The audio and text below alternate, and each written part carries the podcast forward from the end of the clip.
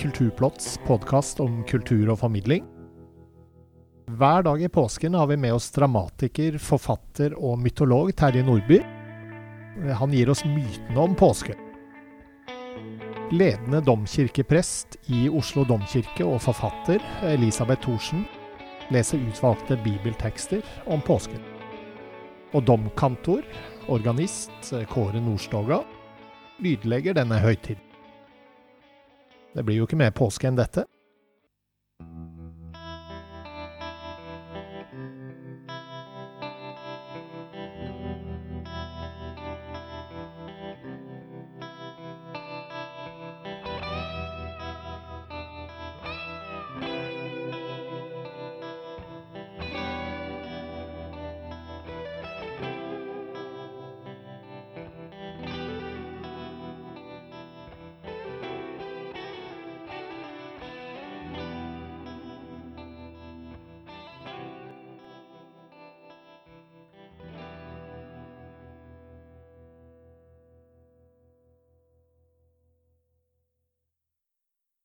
Det er tirsdag i den stille uke. I dag skal vi høre om påskeharen. Si litt om hva du skal snakke om i dag, Terje. Ja, når det gjelder påskeharen, så eh, Da jeg var ung, og det er lenge siden, så 50-60-tallet, så hørte jeg ikke noe om den. Men eh, i det siste så har vi hørt eh, litt om Så har påskeharen vært med oss litt. Og det har nok, eh, det har nok å gjøre med utenlandsk innflytelse, og kanskje særlig gjennom film, og hva vi har hørt om utenlandske barn blir presentert for i påsken. Men påskeharen har også vært en, faktisk en tradisjon i Norge. Og i all verden er det at vi kan eh, produsere en historie om at en hare kan legge egg, og der er det noen ganske morsomme teorier. Og jeg kommer inn på noen av dem i dag. Vi hører teksten 'Den protestantiske påskeharen'. Om livet til påskeharen finnes begrenset med beretninger fra Norge.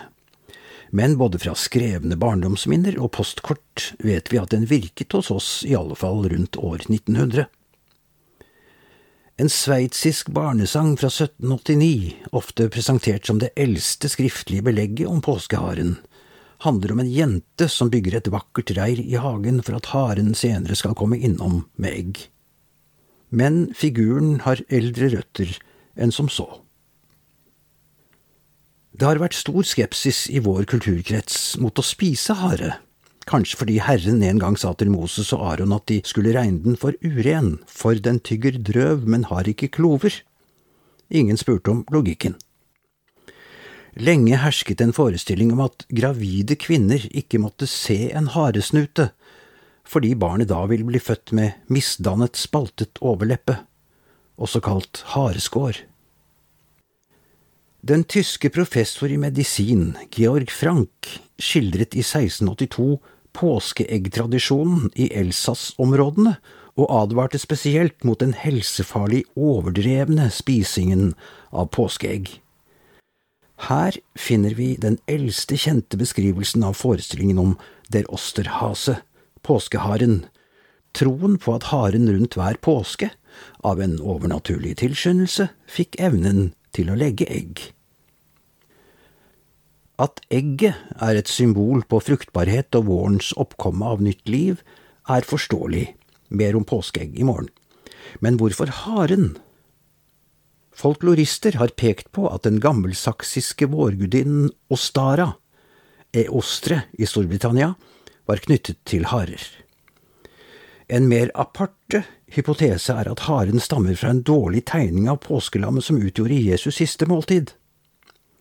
Uansett, påskeharen er fortsatt virksom.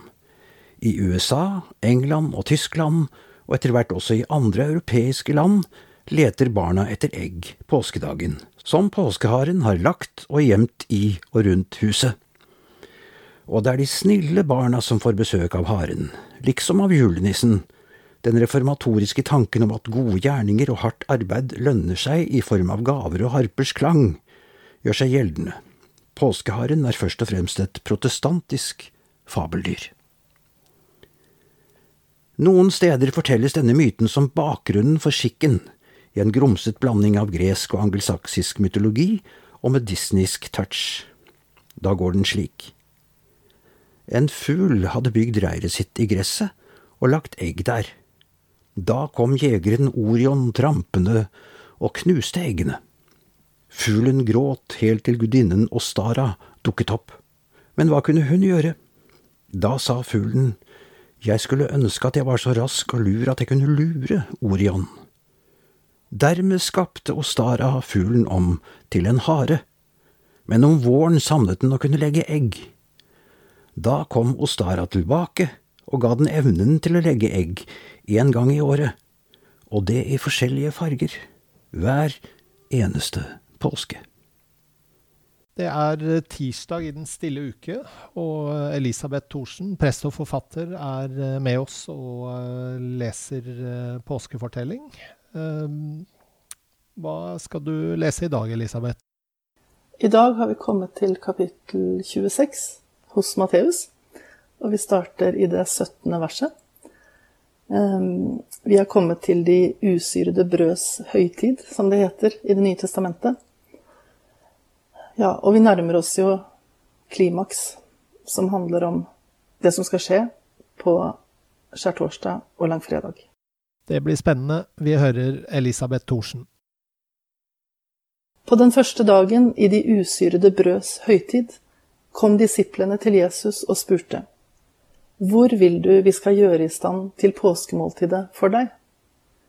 Jesus svarte, Gå inn i byen, til den mannen dere vet og si til ham, Mesteren sier, Min time er nær. Hos deg vil jeg holde påskemåltid med disiplene mine. Disiplene gjorde som Jesus hadde pålagt dem, og de gjorde i stand påskemåltidet. Da det ble kveld, tok Jesus plass ved bordet sammen med de tolv. Mens de spiste, sa han, Sannelig, jeg sier dere, en av dere skal forråde meg. Da ble de dypt bedrøvet, og den ene etter den andre sa til ham, Det er vel ikke meg, Herre? Men han svarte, Den som har dyppet hånden i fatet sammen med meg, han skal forråde meg. Menneskesønnen går bort som det står skrevet om ham, men ved det mennesket som forråder menneskesønnen. Det hadde vært bedre for det mennesket om det aldri var født. Judas, han som forrådte ham, spurte da, Det er vel ikke meg, rabbi? Du har sagt det, svarte Jesus. Mens de holdt måltid, tok Jesus et brød, takket og brøt det, ga disiplene og sa, Ta imot og spis, dette er min kropp. Og han tok et beger, takket, ga dem og sa, Drikk alle av det for dette er mitt blod, paktens blod, som blir utøst for mange, så syndene blir tilgitt. Jeg sier dere, fra nå av skal jeg ikke drikke av denne frukten av vintreet, før den dagen jeg drikker den ny sammen med dere i min fars rike. Da de hadde sunget lovsangen, gikk de ut til Oljebjerget.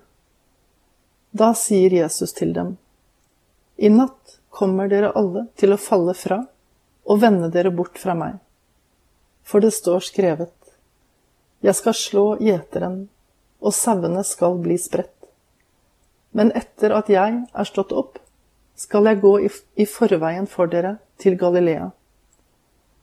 Peter tok til orde og sa, Om så alle vender seg bort fra deg, kommer jeg aldri til å gjøre det. Jesus svarte, Sannelig, jeg sier deg, i natt, før hanen galer, skal du fornekte meg tre ganger.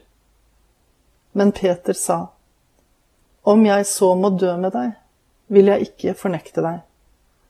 Det samme sa også alle de andre disiplene. Vi har med oss Kåre Nordstoga denne påsken. Han er ledende kantor i eh, Oslo domkirke. Hvilket stykke er det du har valgt i dag, eh, Kåre? Det mest nærliggende med å spille instrumentalmusikk, orgelmusikk til tekster, er jo å velge orgelkoraler. Eh, og der står jo Bachs orgelkoraler i en særstilling. Hans eh, orgelbüchlein vil mange kjenne, og der har vi en koral som heter Olam Gottes Unschuldig, altså Du Guds lam uskyldig, som eh, danner grunnlaget for Som jo er den samme tematikken som også disse tekstene peker fram mot. Så det er en, uh, en salme som, ja, som egentlig er skrevet for, for skjærtorsdag, da. Og og knyttes til nattverden. Olam Gottes Unschuldig av John Sebastian Bach.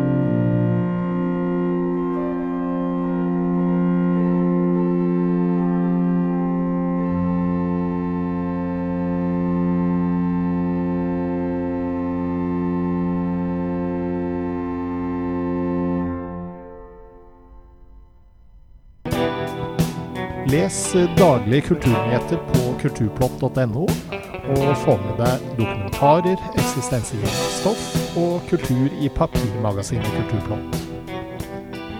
Plottet var ved programleder og teknisk ansvarlig Bård Andersson. For dere som er med oss og lytter til påskeplottet, har vi et spesialtilbud på abonnement. For tre måneder betaler du bare 99 kroner. Gå inn på kulturplott.no og prøv, da vel.